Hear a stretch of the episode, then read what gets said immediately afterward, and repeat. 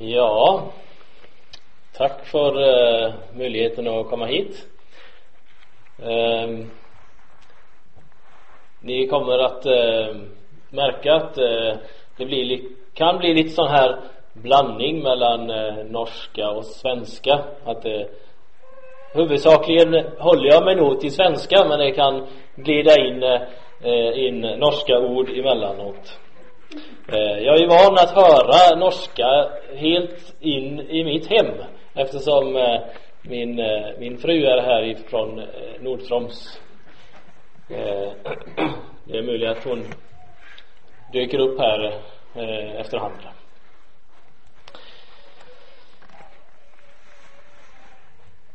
Vi ska alltså stanna inför temat att vara ordets görare. Men vi ber helt kort på nytt. Tackar Jesus för att du är vår frälsare.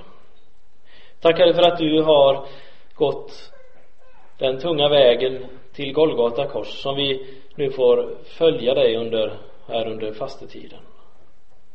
Vi tackar dig för att det var för hela världen. Att du bar och tog på dig hela världens samlade synd, också vår. Och att du blev dömd i vårt ställe. Att du led straffet i vårt ställe. Att du, Herre, uppstod som segerherren och lever. Och att vi igenom dig kan bli fullkomligt frälsta. Att du har vunnit en frälsning åt oss, en rättfärdighet åt oss där det inte fattas något alls. Herre, nu ber vi dig att du med din gode heliga Ande vill öppna våra hjärtan så att vi får se dig. Att vi också får se något av vad det innebär att vara en ordets görare. Amen.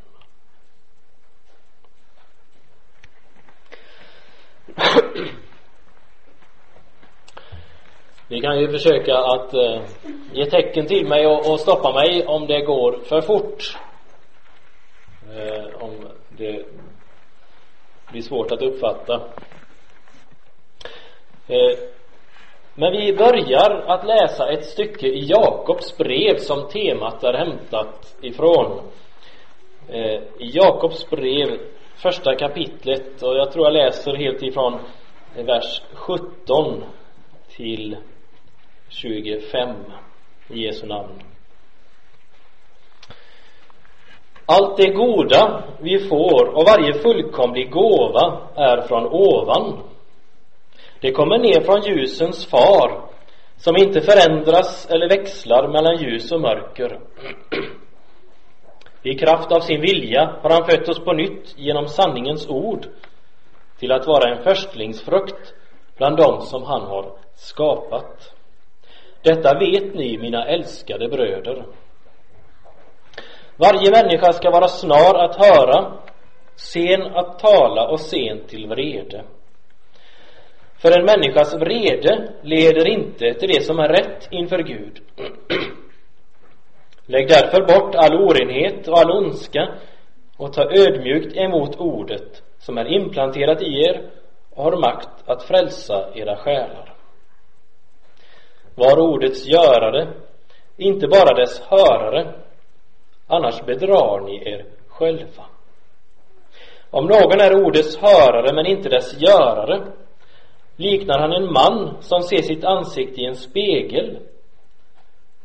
När han har sett sig själv och gått sin väg glömmer han genast hur han såg ut. Den som däremot blickar in i frihetens fullkomliga lag och blir kvar i den, inte som en glömsk hörare utan som en verklig görare, han blir salig i det han gör. Amen.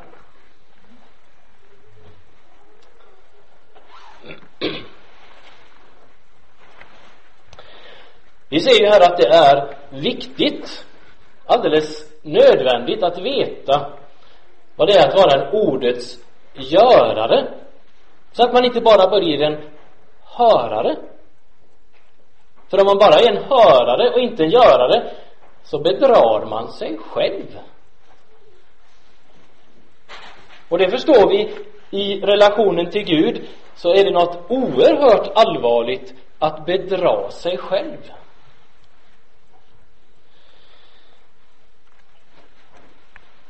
Men vad handlar det då om att bli en ordets görare?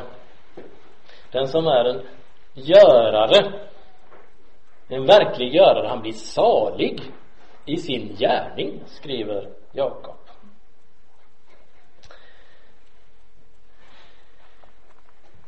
När man studerar Jakobs brev vi kan notera att, att eh, vi kommer främst att här stanna inför den sista delen av det vi läste så kommer jag beröra i andra timmen något ord i det tidigare. Om ni undrar att jag är lite eh, inte tar upp allt så kan det komma mer i andra timman när man studerar Jakobs brev kan man lägga märke till att eh, det finns många likheter emellan det brevet och Matteusevangeliet och inte minst bergspredikan bergpräken.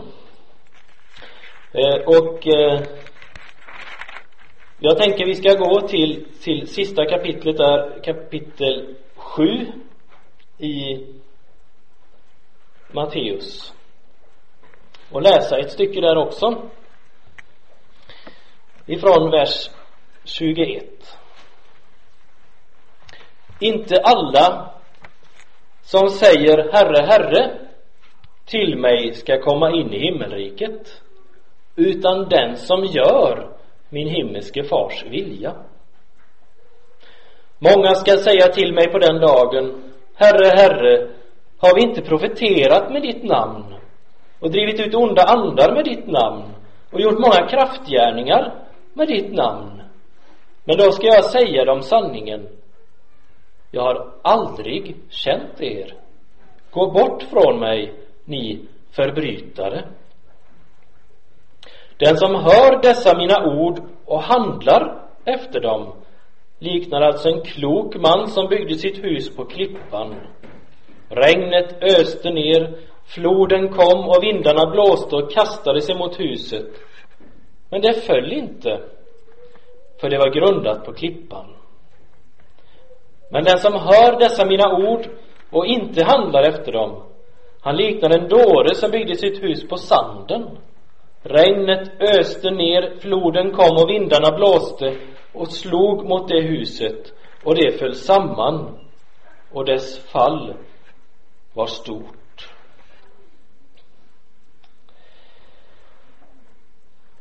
Här berättar Jesus i en liknelse om eh, två män som byggde kanske helt identiska hus. De kanske båda var vackra och såg jättebra ut. Men det ena, det rasade. Det var ett total kollaps när störtfloden kom. När ovädret och vinden blåste mot det. Det föll. Medan det andra som var byggt på klippan, det stod.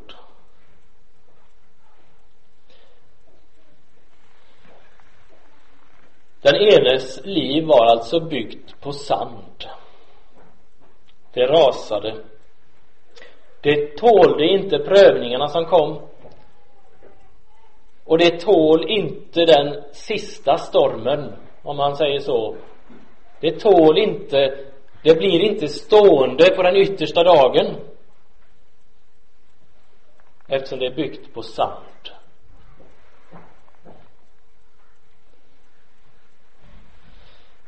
Medan det andra, det blir stående också på den yttersta dagen.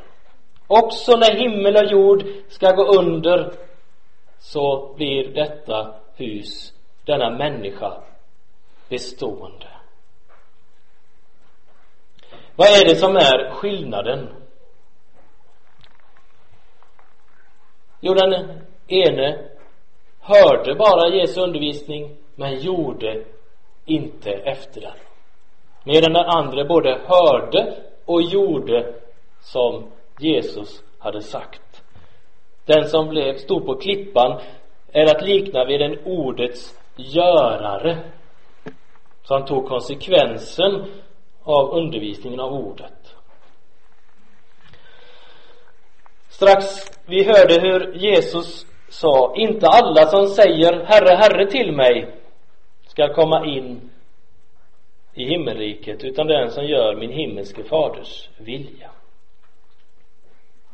Och så kan vi lägga märke till här att det är många som ska komma på den dagen och säga Herre, vi har ju gjort under, vi har predikat, vi har gjort mäktiga gärningar i ditt namn.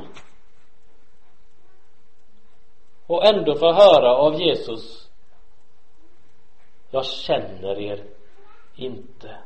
Gå bort ifrån mig. Alltså de har till och med profeterat i Jesu namn och får ändå höra att han känner dem inte. Vi kan lägga märke till vad de säger. Har inte vi Har inte jag gjort tjänst för dig Jesus? Har inte jag gjort gott mot människor? Och så vidare och så vidare. Det var förmodligen inte, det var inte fel i viljan att tjäna. Men allting fokuserades kring detta min tjänst för Gud. Så att de missade Jesu tjänst för mig, för oss. Det går alltså att bli så fokuserad på sin tjänst för Gud, till och med något så gott, så att man missar och glömmer av den tjänst Jesus har gjort för oss när han levde fullkomligt för mig, när han led och dog på Golgata i mitt ställe.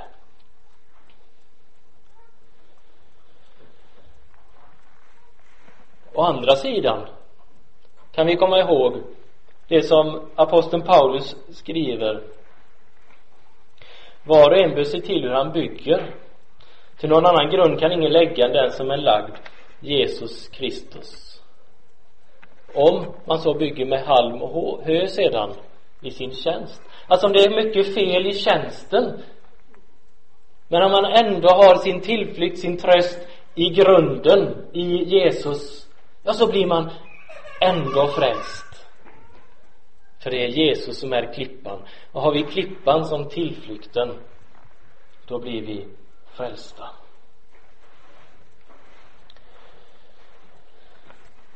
Det helt avgörande för oss var och en. Det är om vi hur det ska sluta för oss. Om vi ska sluta i den på klippan eller på sanden i slutet av bergspredikan. Det är hur vi går in i bergspredikan. Och vi får börja från början. Och Jesus säger saliga är de fattiga i anden för de tillhör himmelriket.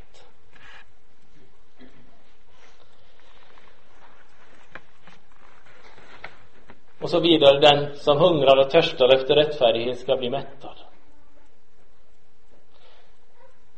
Det är de som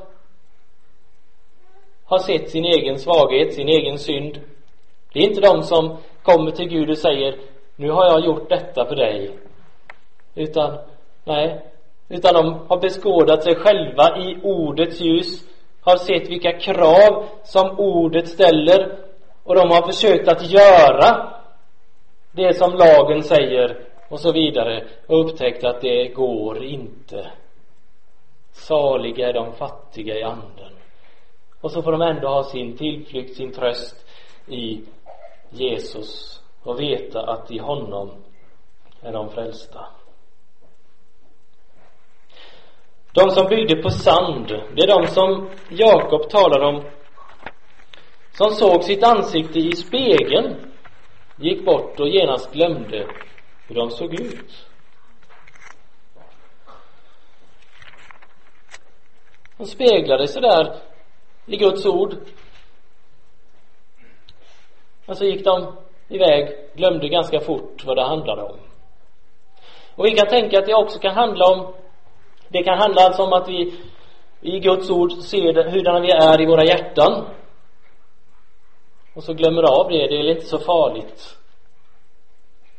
Det går säkert bra ändå.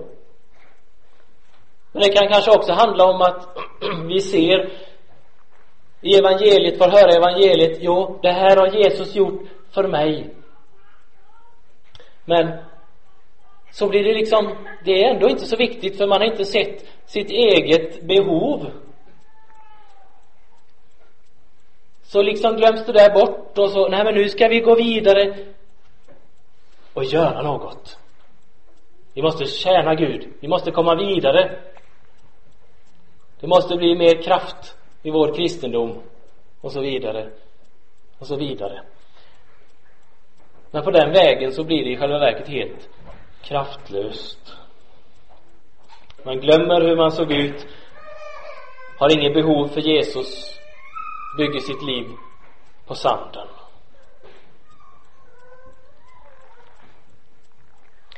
den som däremot byggde på klippan det är en parallell till de som som Jakob skriver blickade in i frihetens fullkomliga lag och blev kvar i den.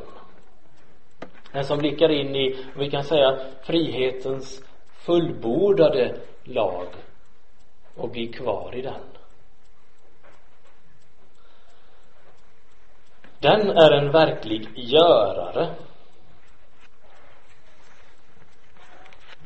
Tänk att vara en görare genom att bara blicka in i frihetens fullkomliga lag och bli salig i den gärningen.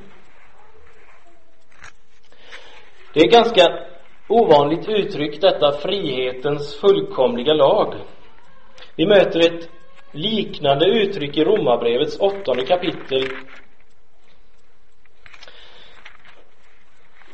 Romarbrev, Romarbrevet 8 så finns nu ingen fördömelse för dem som är i Kristus Jesus.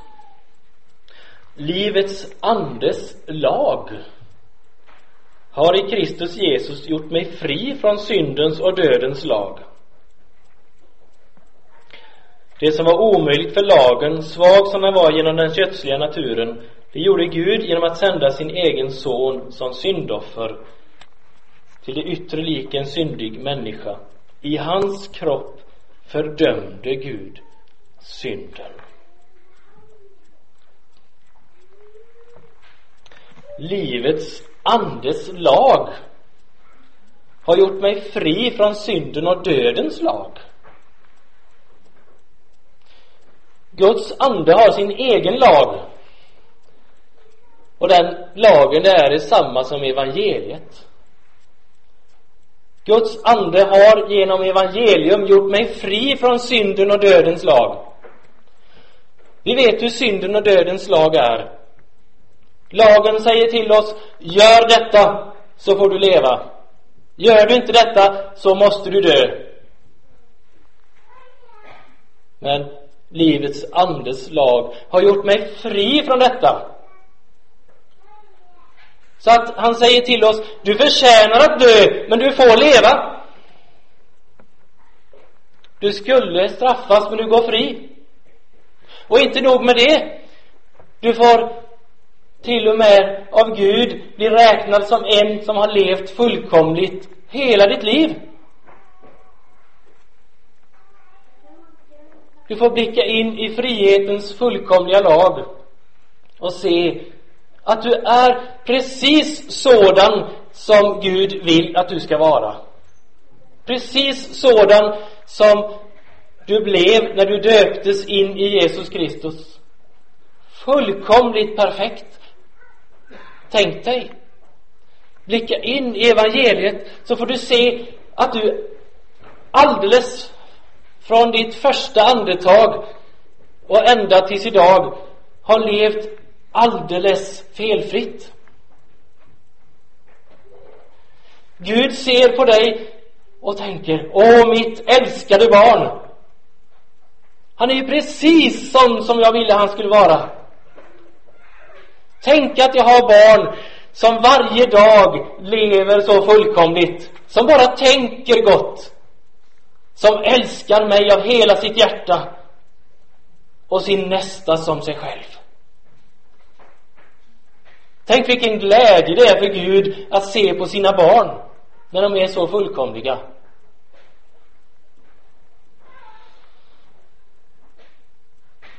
Det gäller väl inte någon av oss, eller? Ja, det är ju lätt att tänka så. Men du ska komma ihåg att det viktiga är inte vad du ser. Det viktiga är vad Gud ser. Och det kan vara en ofantlig skillnad. För om du hör till dem som försöker att vara en ordets görare så att du också vill leva efter Guds ord så upptäcker du ganska snart att det är så ofattligt mycket som brister. Att du inte älskar Gud över allting och inte din nästa som dig själv. Men ändå vänder du din blick till Jesus, har honom som ditt hopp, din tröst, mitt i din egen synd så är det ändå så att Gud ser på dig som ditt sitt fullkomligt felfria barn. Du får blicka in i frihetens fullbordade lag och veta att Gud, Jesus har gjort lagen, levt lagen i ditt ställe och tagit bort alla dina brott. Livets andes lag har gjort dig fri från syndens och dödens lag så att du istället för att dö får leva och leva med Gud för evigt. För Gud fördömde synden i Kristus. I hans kropp fördömde Gud synden. Och då kan du tänka på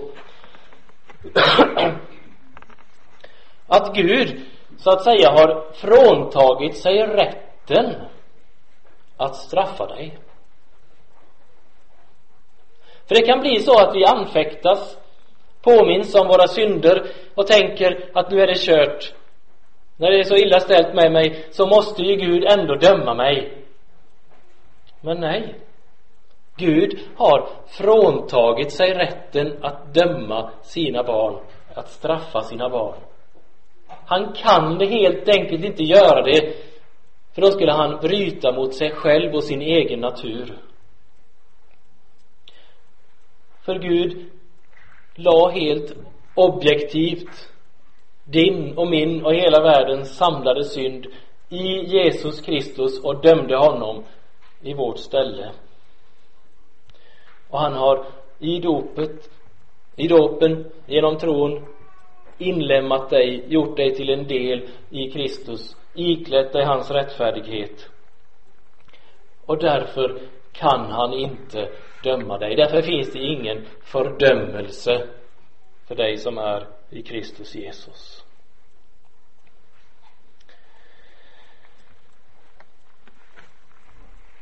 Jag tänkte att vi ska gå vidare och se på ett eh,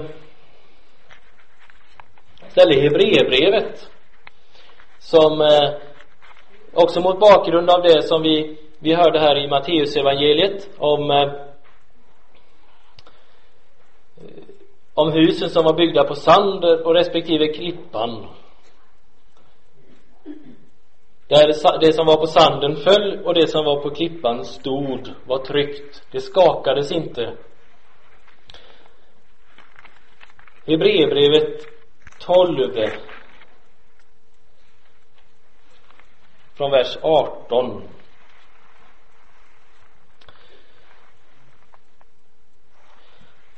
Ni har inte kommit till ett berg som man kan ta på till flammande eld och töcken, mörker och storm till basunljud och en röst som talade från vers 18 eh, till basunljud som och en röst som talade sådana ord att de som hörde den bad att få slippa höra mer.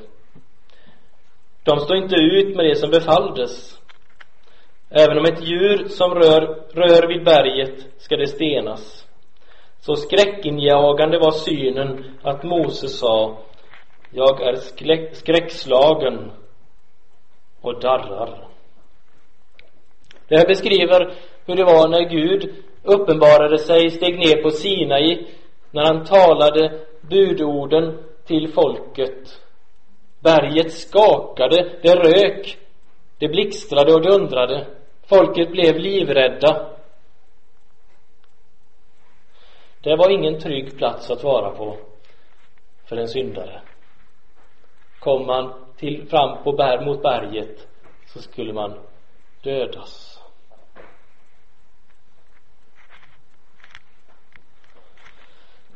Dit har vi inte kommit. Det är inte där vi är i Kristus. Under lagens dom.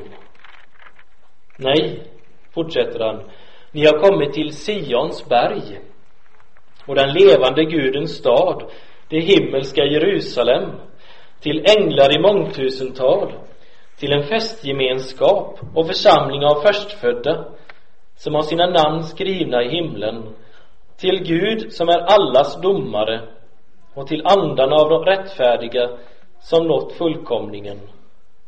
Ni har kommit till det nya förbundets medlare, Jesus, och det renande blodet som talar starkare än Abels blod.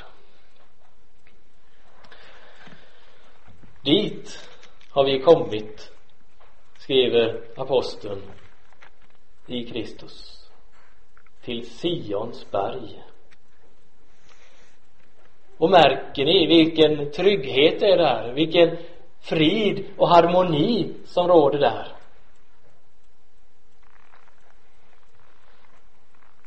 Och så kommer jag att tänka på något som eh, Daniel Preuss, eh, en amerikansk präst, skrev i en bok. Det är en fråga det är frågan om berg eller fjäll. För det finns bara ett sätt att komma från Sinai till Sion. Från Sinai där Gud dömer, den helige uppenbarar sig över syndare till Sion där det råder frid. Där man bor i trygghet. Det är bara ett sätt att komma mellan dessa två fjäll. Och det är via ett tredje fjäll. Golgatafjället. Där Gud dömde Jesus i vårt ställe. Och det står, om vi bläddrar tillbaka i Hebreerbrevet, i det tionde kapitlet, från vers 19. Bröder, i kraft av Jesu blod kan vi därför frimodigt gå in i det allra heligaste på den nya och levande väg som han har öppnat för oss genom förhänget, det vill säga sin kropp. Där, i Sion, där är vi i det allra heligaste. Där Gud bor. Där Gud bor mitt ibland sitt folk. Och det kan vi också se när vi läser i slutet av Uppenbarelseboken hur det nya Jerusalem sänks ner från himlen som en brud smyckad för sin brudgum.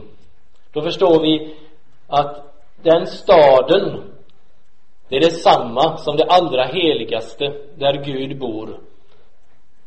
Vi hinner inte läsa det nu, men där kan vi se hur, hur den, hur Sion, hur bruden, staden har samma proportioner som det allra heligaste i templet. Det är bara en, en, eh, ett rum i Bibeln som har som har eh, är, är lika som har är formen av en kub. Alltså är lika långt, brett och högt och det är det allra heligaste längst in i templet där Gud bodde. Där överste prästen bara fick gå in en gång om året och aldrig utan försoningsblod. Den nya staden har enormt mycket större mått där i Uppenbarelseboken men det, den är lika lång, bred och hög. Och det finns inget tempel i staden står det för Gud bor mitt i staden. Gud och lammet bor i staden. Så att när man har genom dåpen, genom tron kommit in i gemenskapen med Kristus så har man också redan nu kommit in i Sion, in i det allra heligaste, in i gemenskapen med Gud. Och det ser vi också här i, det tolfte kapitel, kapitlet. Att det är till exempel en gemenskap, det himmelska Jerusalem, en gemenskap och församling av förstfödda som har sina namn skrivna i himlen. Det är de som är födda av Gud, som är Guds barn. Och så står det mot slutet där ni har kommit till det nya förbundets medlare Jesus och det renande blodet som talar starkare än Avels blod.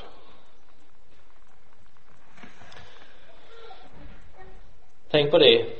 Lever du med Jesus, har du honom som din frälsare, så har du kommit till honom vars blod talar starkare än Abels blod. Jesus säger i slutet av det tredje kapitlet Johannes evangeliet att den som tror på sonen har evigt liv. Den som inte lyder sonen ska inte se livet utan Guds vrede blir kvar över honom. Alltså om man inte lyder sonen, inte kommer till honom, så står man kvar under den dom som ljuder på Sinai. På det berg som skakar. Och då kommer man gå under en dag som Hebreerbrevets författare talar om längre fram här. På den dag då himmel och jord, allt skakat, skapat, ska skaka. Då är det bara det som inte är skapat som består.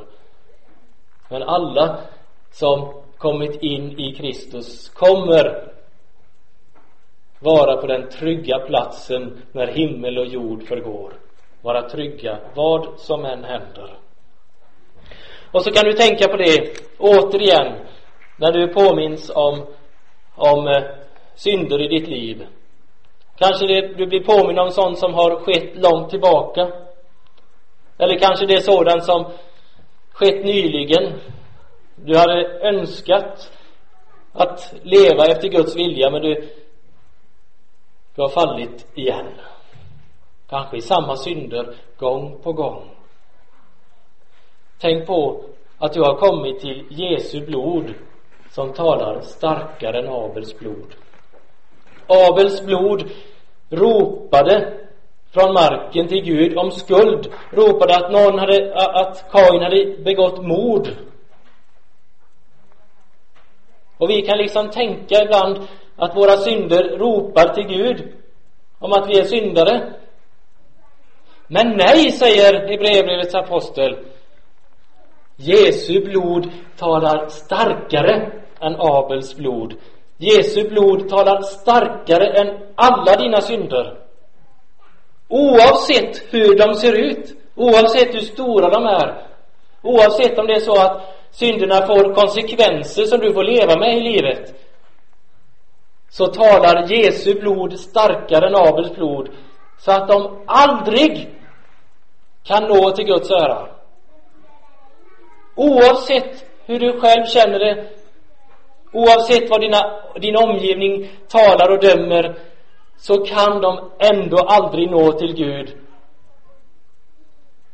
För över allt detta ligger Lammets blod som utplånar, tar bort alla dina synder utan undantag. Det finns inte en chans att dina synder ska tala högre än Jesu blod. Så därför får vi göra som som aposteln Jakob skriver. Vi får blicka in i frihetens fullkomliga lag och bli kvar i den. inte som en glömsk hörare som bara tar det som någon slags information utan som en verklig görare som i sin nöd i sitt behov av en frälsare stannar där hos Jesus och ser in i frihetens fullkomliga lag och ser att jag är precis sådan som Gud vill att jag ska vara i Jesus Kristus. Amen. Tack Herre Jesus för att vi får lov att blicka in i frihetens fullkomliga lag och bli kvar i den. Tack att också vi som som har så lätt att glömma som har så lätt för att falla att vi får komma tillbaka. Att när vi vi får veta att när vi har dig som vår tillflykt så behöver vi aldrig vara rädda.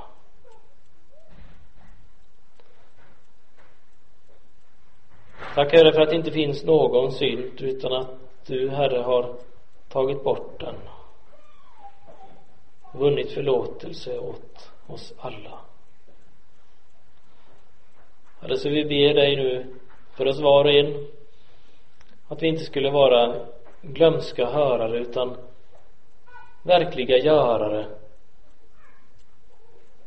som håller sig till dig. Håller sig till det som du har gjort, det som du är. Herre tack för det hoppet, det fasta hoppet om evigt liv, om trygghet också när himmel och jord går under också den dag då du kommer för att döma världen. Att vi då får lita på att du har blivit dömd i vårt ställe och att vi därför går fria. Vi överlämnar oss i dina goda händer i ditt eget namn.